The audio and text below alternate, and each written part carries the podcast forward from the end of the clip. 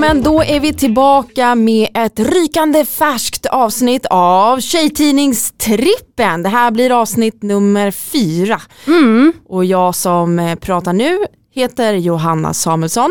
Och jag heter Jessica Kalén och vi är komiker. Professionell komiker. Det är man när man får betalt va? Ja, eller om man inte bara skojar sådär på jobbet med folk, kollegor. Det är inte att man är komiker när man går och liksom lägger en sån ironisk kommentar till någon. Pappaskämt under fikarasten. Ja. Här i Tjejtidningstrippen, vad gör vi då? Jo, då har vi rotat fram i Kungliga biblioteket, längst ner i deras gångar, massa gamla tjejtidningar ifrån 80 och 90-talet som vi nu har gått igenom och samlat på oss massa roliga artiklar. Det kan vara intressanta vinklingar eller något. Och det delar vi med oss av till dig som lyssnar. Det är en sån eh, härlig godispåse med några äckliga saker också som kanske blir kvar på slutet. Eller det är inte man själv som har köpt godispåsen riktigt. Så är det de där stackarna som är lite svettiga godisbitarna som ligger kvar som alla har fingrat på. Ja, men de tar vi kanske inte ens upp. Vi Nej. tar bara det bästa. Så att ni slipper gå till KB och beställa fram de här tidningarna ur magasinet. Och med det sagt så kastar vi oss huvudstupa in i eh, dagens avsnitt. Från 1988! Jag har tidning nummer två, Nya Frida och där var man nyfiken på vem som blir Madonnas nya kille. Mm, mm. Åh. Madonna. Då finns det lite olika män att välja på. Jag vill ta den inledande texten. Då står det, jaha, det var väl det alla visste. Killar klarar inte av att deras tjejer är mer framgångsrika än dem. Se bara på Sean Penn. Han uppförde sig som ett svin och Madonna var tvungen att kasta ut honom. Men Madonna gråter förstås inte över det. Hon har massor av killar att välja mellan. Behöver bara vinka med ena lillfingret. Frågan är bara, vem ska hon välja? Då har vi våran kära Rub Love, har de som ett eh, förslag. Jag måste bara tänka, vinka med lillfingret. Gjorde man så? Titta på mig nu. Ja men det säger man väl att man vinkade med. Men det Jo, vifta med lillfingret, säger man inte det? När man har något runt sitt lillfinger. lindad runt mitt En lillfinger. lakritsrulle. Ja, okej. Rub love. Rub Love, snygg och begåvad, men eh, vill Madonna ha en strulputte? Michael J Fox, lagom lång, men kanske för mysig. Inte han i Uffe den tuffe statsministerns längd. Jag vet inte, men jag fastnade i Rob Love och vi vet ju redan vad Rob Love gillar och man kan säga så här att om Madonna vill äta på Kina-restaurang så är det kört va? Det ska vara italienskt. Okej. Nick Cayman beundrar Madonna men är skraj för exmaken. Eller vad tror vi om den här då? George Michael. Ah, men ja, Här var enda hindret att han bor på andra sidan Atlanten men det gör faktiskt ingenting. Han är ju van att ha förhållande per telefon. mm, och att han är gay. Den lilla Men detaljen. det vet vi inte än. Men Madonna är bi va? Ingen aning. Michael Jackson, framgångsrik kille men står Madonna ut med att pussas med munskydd? Sen har vi Don Johnson, en mycket lämplig kandidat och han behöver inte ta Madonna för pengarna. Griffin Dunn verkade het i filmen men är säkert för mesig i verkligheten. Vi går vidare med prins Albert av Monaco, en ogift kille som snart blir första i Monaco. Det är inte så dumt. Eller Patrick Swayze. Swayze, det är han i den här Ja. Dirty Dancing. Och här står det att han dansar sexigt och gillar läderkläder, men vad säger frugan? Sist men inte minst, den här tycker jag är min bästa, bästa förslaget, Prince Charles. Ståndsmässig och kunglig men kanske lite tråkig. Då är ju Prince Charles nu över 80 år gammal och blev precis kung. Hade hon valt honom 1988 då hade hon fått vänta över 30 år på att få tillträda tronen i England. Men tänk vilken annan värld vi skulle leva i om det hade blivit Madonna och Prince Charles. Queen of England. Ja. Och nu, jag har ju googlat här li- lite grann och det visar sig att Madonnas föräldrar är ju italienare va? Så att jag funderar på om det inte oddsen är ganska, det här med att Rob Love han gillar italienskt. Kunde varit dem. Det kunde varit dem. Men jag googlade också innan och jag var nyfiken på vem blev det? Mm. Vem blev det? Och det kan man veta när man tittar i efterhand. Men jag, det var lite stökiga sidor. Det verkar som hon har haft väldigt mycket olika partners, bland annat också kvinnor, varför jag tror att hon är bi. Mm. Men såg ingenting av de som Frida hade föreslagit här. Lenny Kravitz dök upp, Tupac dök upp. Det var massa andra, men inte någon av dem som Frida hade som förslag. Så kan det gå. Från den ena prinsen till den andra. I tidningen Frida nummer 9 då så står det en fråga som en läsare har skickat in. Den här läsaren undrar hur mycket väger Michael Jackson? Det här är the time of Michael Jackson! Men varför vill man veta vad han väger? Ja, det vet inte jag eh, däremot. Men eh, det vill man veta. Det, det, är kul att du, det är vad du frågar, liksom, varför vill man veta det? Och jag har liksom inte ens tänkt den tanken, varför man vill veta det. Hur mycket väger Michael Jackson? Ja, det ska vi nu få svar på. Kremerades han? Gud, det här är, det här är, det är googling på den här. Nej, han, har, han har blivit balsamerad säkert. Ja, oh, säkert. Går det? Så mycket plast. Det här är också tiden innan liksom folk, det har liksom inte kommit ut att han har plastikopererat sig än, utan folk liksom fortfarande spekulerar i det här. Det är först när han kommer ut med sin självbiografi som man på riktigt liksom vet att aha, han har opererat sig. Innan så var det en sån här, det var fortfarande lite, ja men varför, hur ser han ut sådär som han gör? Men eh, nej, kanske det spekuleras. Det var inte självklart att Michael Jackson har plastikopererat sig vid den här tiden. Då det begav sig 1900 88. Så hur mycket väger Michael Jackson? Jag undrar hur mycket Michael Jackson väger, när är han född och om han har någon fanclub. Har han någon flickvän? Eller har han haft någon? Jag skulle bli jätteglad om jag fick svar. MG diggare forever. Och det här är ju också fascinerande, det här med fanclubsen och hur man skulle hitta rätt adress och ville skriva brev till de här. Och att man måste skriva till Frida först. Så här kommer svaret. Exakt hur mycket Michael väger vet jag inte. Men jag vet att han väger alldeles för lite för sin längd, som är 1,75 cm. För inte så länge sedan hörde jag att han var tvungen att åka hem en sväng under sin världsturné för att få näringstillskott och en hälsokontroll på sjukhuset. Han hade ätit för lite. Om det är sant vet jag inte, men han är hälsofreak och dricker mycket mineralvatten och juicer och äter nötter. Han har ingen flickvän. Hans bästa vän är för tillfället schimpansen Bubbles. Kommer du ihåg ja, det här? Ja, Bubbles, det kommer man väl ihåg? Ja, att han hade ju en apa. Michael Jackson hade en apa som var med på turnén. Och återigen det här med mänskliga eller djurrättigheter. Vad, vad man fick liksom göra under den här tiden. Det kommer då en fortsättning på det här med eh, Bubbles i numret efter. För då har nämligen Michaels, eh, Michael Jackson har köpt en ranch i Kalifornien där han ska anlägga sin egen lilla privata zoo. Där kan apan Bubbles svänga sig i träden tillsammans med de andra familjemedlemmarna. Och så är det en bild på Michael Jackson och Bubbles. Det är liksom hans bästa vän. Tror du han hade sex med Bubbles? Nej. Så sa föräldrarna till barnen som var på hans ranch också. Just putting it out there. Nu är han död, kan inte försvara sig. Nej. Kan det ha varit lite tidelag, pedofili, liten salig kompott? Jag hade en podd för tio år sedan som hette Jessicas KK och där intervjuade jag som jobbade som producent på tv, eller jobbar fortfarande. Och han var ju ett av barnen som fick komma till Michael Jacksons eh, land. Jag ställde inte frågan, har du legat med Michael Jackson? För jag kände att det var inte riktigt läge vi var inte riktigt på den nivån då. Det här gick ju dit, det hade det jag inte väntat mig. Nej, från mycket jag väger till att jag är lite tveksam till den mannen efter vad som har kommit fram. Men jag var aldrig något fan av Michael Jackson heller. Mina vänner lyssnade jättemycket på honom och det var så himla mycket och jag vet inte, jag tyckte aldrig riktigt om hans musik. Jag tar absolut inte från honom att han är en av de största musikerna, han är en fantastisk artist. Eh, men det var inte min musik bara. Nej, och jag tycker att det är problematiskt när Michael Jackson spelas ibland på the clubs. Alltså jag blir så här, får jag dansa till det här? Eller ska jag inte dansa för att om jag dansar till den här musiken så gör jag någonting politiskt, då okejar jag någonting som jag inte vet har hänt. Och det där blir en väldigt fin brygga för då kommer jag att tänka på att min kille, min Zambo, han är ju DJ och de pratar faktiskt mycket om det där. Vad är det för musik man ska spela och inte spela? Ah.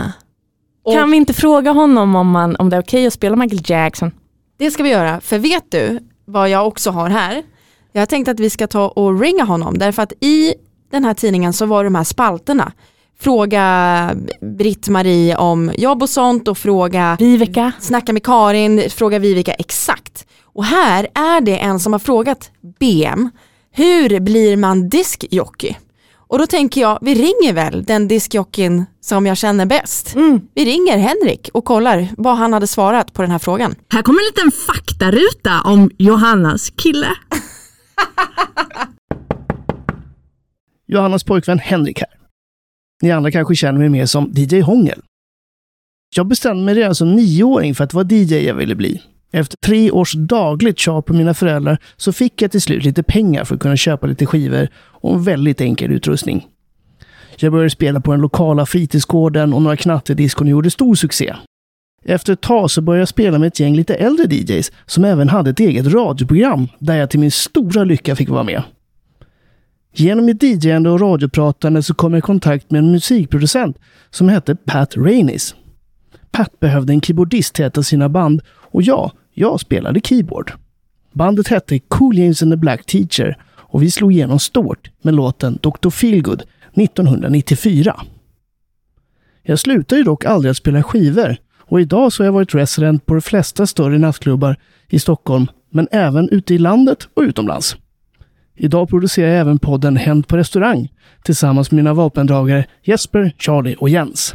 Och ja, jag spelar fortfarande skivor, för det är det roligaste jag vet.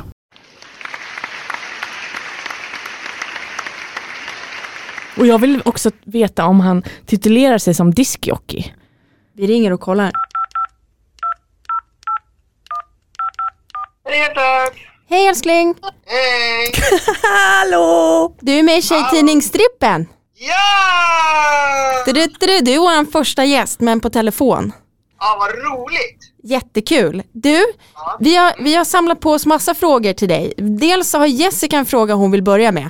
Titulerar du dig diskjockey eller DJ eller? Ja, det är skillnaden mellan discjockey och DJ. Äh, jag är DJ. Okej, vad är diskjockey då? Discjockey är väl samma, men det är när du talar om någon som är typ 70 år gammal.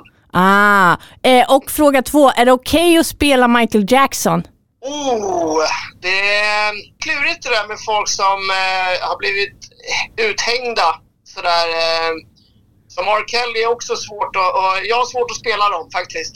Just det, det var ett väldigt diplomatiskt och bra svar. Jag har svårt att spela dem. Ja, eh, Kan man få kommentarer på det eller slutar folk att dansa eller vad händer? Ja, jag slutade att spela så att jag har inte märkt vad som händer. Däremot så, så spelade jag på nattklubb för några år sedan där jag hade den här, äh, åh gud vad hette den låten då?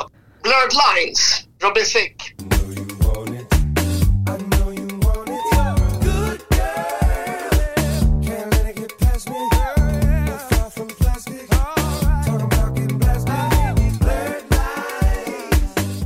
Den låten eh, skulle man kunna tolka att den handlar om eh, våldtäkt och då blev det folk som så här, allvar, ska du spela det här? Det här är inte nice alls. Så att folk kan ta illa vid sig vid, på dansgolvet om man spelar sån här typ av musik. Så nej, jag spelar inte Michael Jackson och jag spelar inte R. Kelly. Tack för det, bra svar. Och du är ju född 77 och du gjorde ditt första gig när du var nio va? Nej, jag bestämde mig för att bli discjockey när jag var nio. Jag började spela när jag var en 12-13 år, någonting sånt där. Och då är vi uppe i 1988.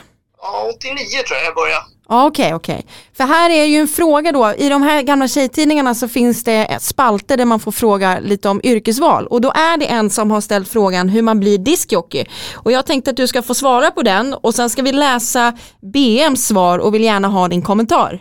BM är kort för Britt-Marie. Har vi bestämt. Oh, oh okej. Ja, vad spännande. Eh, Ska jag svara som att det är från 1989 eller som att det är på, eh, 20, 2022? Som att det var 1988. Ja. Så inget utav det. 1988, det är stor skillnad. Hur blir man diskjockey? Jag är en tjej på 15 år som undrar hur man blir diskjockey. Måste man vara i en speciell ålder? Kan man vara tjej och hur mycket måste man ha i slutbetyg? Måste man ha bra betyg? Jag älskar musik och vill hemskt gärna bli diskjockey. Om du kan svara på mina frågor så skulle jag bli superglad. Hälsningar discofreaket. Åh, gud vad gulligt discofreaket. ja, discofreaket. Jag skulle börja med att spela in en mixtape med låtar som jag skulle spela när det är prime time på dansgolvet, alltså kanske när det är som mest tryck på kvällen, kanske runt 11-12. Då skulle jag sätta upp vad jag skulle spela under en timme på ett band. Och så skulle jag ge det till den klubbägaren och säga hej hej, där skulle jag kunna tänka mig att spela. Och sen så, det var så man gjorde då. Men mixtape, pratar vi kassettband då? Ja, Då det var man tryckte på stopp och sen record stopp och så spolar man fram till någon radiolåt och så tryckte man på record igen. ja, man bandade av radion. Typ trackslistan och sånt där var populärt. Jaha, men hon är ju bara 15, hon får inte komma in på klubben eller? Nej, men som jag började på att göra såna här eh, skolspelningar, såna här högstadiediskotek och eh, eh, gårdar och sånt där. Ah. Jag gillar ändå Henrik, 12 år, går in med sin portfölj på klubben och presenterar sig. Jag tar en shot och du vill jag lämna den här. Det var så man gjorde. Jag hade lite tur att jag hade några kamrater som redan hade börjat som DJ så jag lyckades eh, nästla mig in där. Då fanns redan utrustning och kontaktnät. Men annars så var det så man gjorde. Det var ju ganska dyrt att köpa både skivor och utrustning och discolampor, högtalare och sånt. Det krävdes lite pengar. Och kunde man inte få tag i det här så nattklubbar och sånt där kunde ha utrustning. Men annars så var det bara att ta sitt andra jobb och samla ihop pengar så att man kunde spela ihop och sen fick man gå runt och marknadsföra sig. Och enklaste sättet var att göra sådana här mixtapar. Eh, Högre betyg så länge du kan extra jobba på eh, typ ICA eller Konsum eller något sånt. Något lager. Tjäna pengar och köpa utrustning. Okej, inga, inga höga betyg behövs bara så att du får ett extra jobb. Precis, så att du har råd att köpa, köpa en utrustning så att den kan ge till inkomst. Fråga, eh, när man sen DJade, hade man fortfarande kassettband då och körde play på eller? Jag började faktiskt med det. Jag hade inte råd att köpa två skivspelare från början. Så att jag hade en skivspelare och en sån här toppmatad kassettdäck. Så man kunde bromsa det här motorhjulet så att man kunde få låtarna i takt. Ooh, Så avancerad var jag. just det, så hade man en sån här bl- och skruv, eh, spolade med. Ja. Ja, Tack snälla för det svaret. Vill du lyssna på BMs svar och se vad du tycker? ja jättegärna. Då svarar BM så här. Det låter spännande att du vill bli diskjockey. Det är roligt att en tjej vill ha den sortens jobb eftersom branschen fortfarande tyvärr är alltför mansdominerad. Först och främst ska du veta att det inte finns någon skola eller utbildning du kan gå för att bli diskjockey. Alltså behöver du inte bekymra dig över dina betyg. Å andra sidan är det kanske svårt att jobba heltid som diskjockey, så du kanske bör ha ett annat jobb eller satsa på en utbildning också. Hur som helst gäller det att du kan mycket om pop och rockmusik. Det räcker inte med att du känner till vad som ligger på listorna just nu utan du måste ha ett hum om 60 och 70-talsmusik också eftersom de flesta diskjockeys brukar blanda friskt. Men eftersom du gillar musik antar jag att du vet en hel del. Hur ska du då göra för att jobba som DJ? Jag vet inte var du bor men jag antar att det i alla fall finns ett diskotek i din kommun. Varför inte börja smöra för killen eller tjejen som spelar skivor på diskoteket och fråga om du får praktisera och hjälpa till. Ett annat sätt att komma igång är att vara diskjockey på privata fester eller på danser i skolan. Ett plus är självfallet att du har en egen skivsamling eftersom diskjockeyn med få undantag alltid spelar sina egna skivor. Det är också viktigt att du har känsla för vad folk som går ut och dansar vill höra för musik. Även om du själv älskar någon underlig kultgrupp som bara ett dussin diggar i Sverige har hört talas om så är det inte lyckat att spela bara sån musik ute på diskoteken. Det krävs också av en diskjockey att hon ska kunna prata lättsamt till musiken och göra bra mixningar, det vill säga eleganta övergångar mellan de olika skivorna. Lycka till! Ja, det var ganska bra svar. Det var ganska likt mitt råd. Ja, det var det. Tack snälla för hjälpen. Och vi ger också en shout-out till eh, din fantastiska podd Hänt på restaurang. Jag eh, lägger in en blänkare här, vad jag hittade i en tidning. Häng med och beställ balla hängslen direkt ifrån Frida. Det allra senaste just nu är hängslen med ryska bokstäver. Från Mm. Frida Club kan du som vill hänga med och beställa läckra hängslen i rött med svarta ryska bokstäver. Får jag se bilden? Da Oj, och så har hon hängslena liksom bak och fram. och kors på något sätt. Ja. I fram liksom. Visst, Det var ball Ja. brud. snyggt. Jag vill prata lite om de här grejerna som man fick i Frida. För man fick ju grejer, kommer du ihåg det här? Alltså, Och de var inplastade. ja. Så fick man en sån glittrig ögonskugga där. Ja, Och det borde vi ha som merch! ja glitterögonskugga. Vad hade man mer? Man fick ju också sådana halsband va? Tatueringshalsband eller du vet sådana chokers. Ja, och, och, och sådana här posters också har vi Posters. pratat om. Men i det här numret, nummer 988, då får man mönsterark till eh, att sy då kjol eller en tröja och lite sporttoppar och sånt. Åh!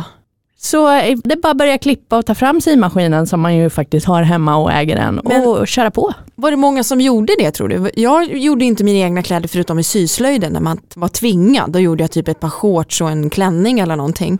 Jag vet inte, jag tänker att n- 1988, mönsterark minns inte jag att jag fick i Frida, men, men det här är ju ändå eh, liksom tio år innan jag kanske började läsa de här tidningarna. Eh, men vilket, det är väl en fråga till eh, lyssnarna. Fick du ett mönsterark i tidningen och använde du dem i sådana fall? Det hade varit kul att veta. Mm. Nej, men, eh, att man liksom, man kan sy sin egna garderob själv, billigt, riktigt bra. Välja färg, mönster. Perfekt. Ja, och eh, apropå merch då, jag stickar ju nu våran merch. Ja tack, jag har beställt den va? Ja, så att eh, det kommer här framöver handstickade mössor i 100% merinoull med tjejtidningstrippen sånt broderat tygmärke på. Riktigt bra. Merinoull är ju otroligt fint och härligt material. Man, det luktar inte svett, eh, det är liksom svalkande när det är, eh, när det är varmt och det är eh, värmande när det är kallt ute. Jag, det, är ju, det är ju mina underkläder standard året runt har jag sån merinoull underställ. Barnarbetaren från Kinda kommun sitter och stickar merch till Tjejtidningstrippen. Vet du vad det är dags för nu? Nej. Nu är det dags för Skärmskolan! Del två! Skärmskolan! Flickornas skärmskola lektion 2. Ja, för jag har ju betett mig uselt som hon Bettan hela veckan, hela månaden sen sist och vet inte hur ska jag hantera den här situationen.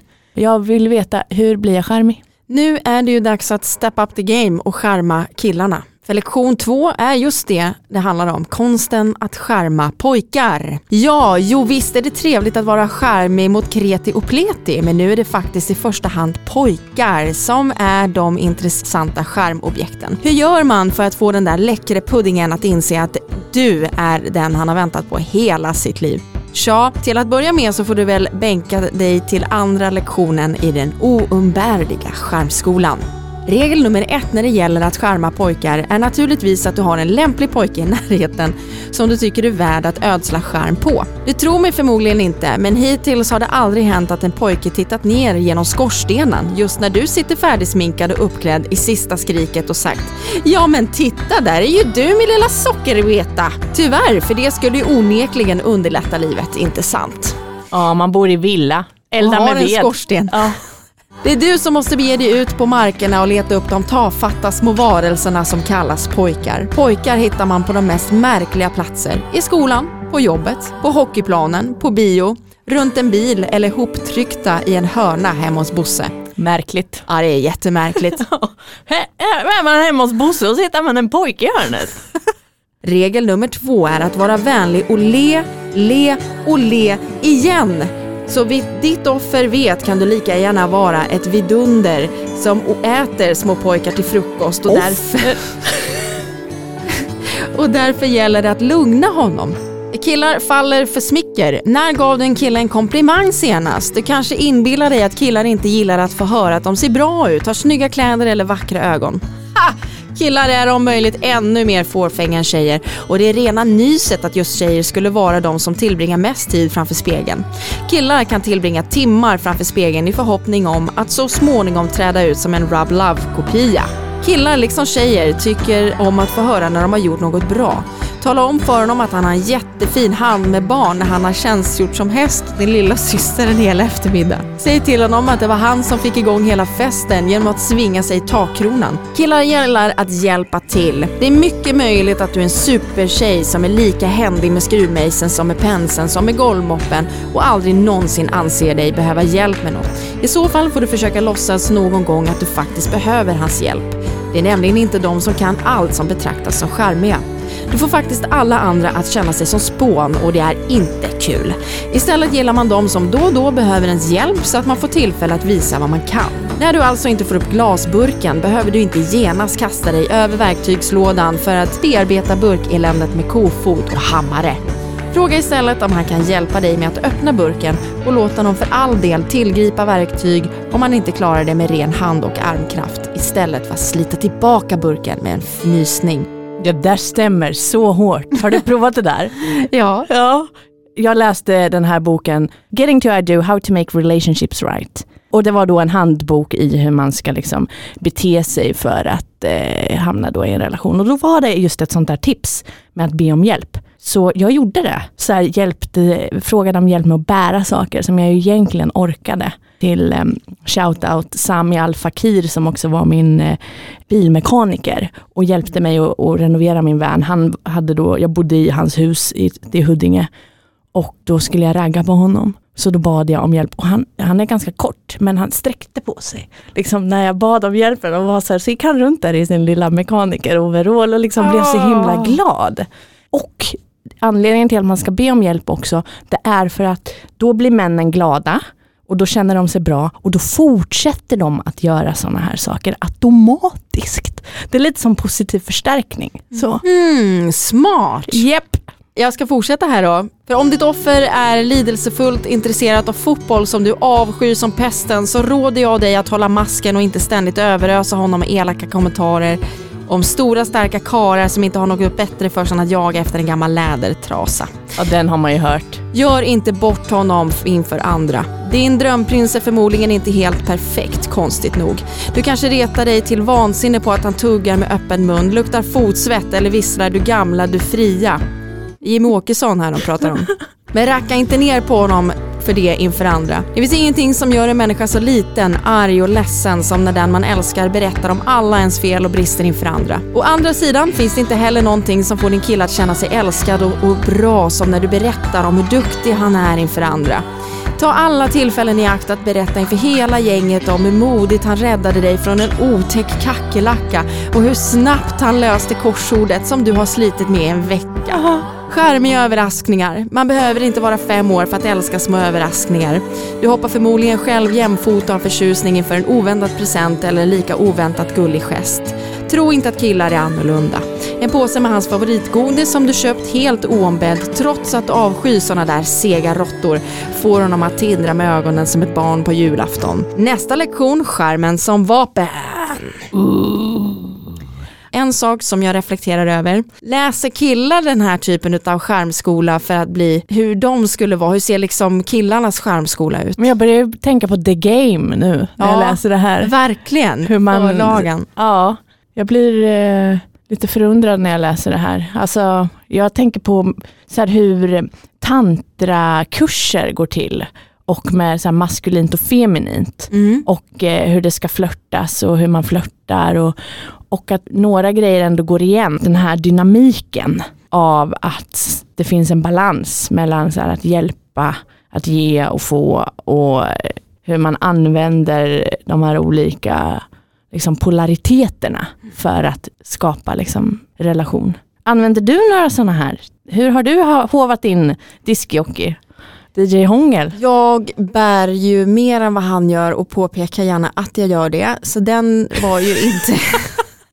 tror att jag mycket gör sånt undermedvetet. Mm. Men jag, tänker, jag tror att min är att jag tar nog den här kvinnliga listen, att man lägger fram någonting på ett sånt sätt som att män tror att det var deras förslag och sen så klappar man dem på ryggen och säger gud vad smart du är.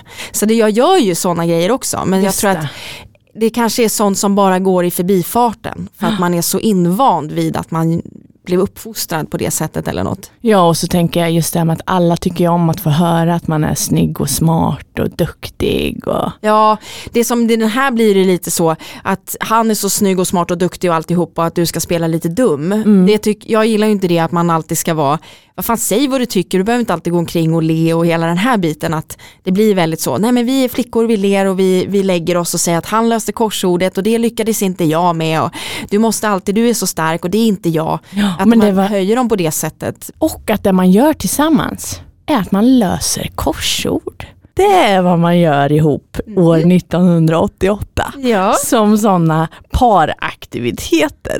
Det var andra tider det. Tiden börjar rinna ut, har du något sista? Nej men jag tror att vi får lägga en liten sån cliffhanger på den här nyårslistan faktiskt som vi utlovade i förra avsnittet. Tiden går fort, som vi säger, det finns ju så väldigt, väldigt mycket mer. Jag ser fram emot eh, skärmskolan vidare, det här med att använda det som vapen. Då eh, var godispåsen eh, tom för idag. Vi kommer äta mer gottiga karameller nästa avsnitt när vi kommer tillbaka med nya roliga artiklar. Hej då! Hej då!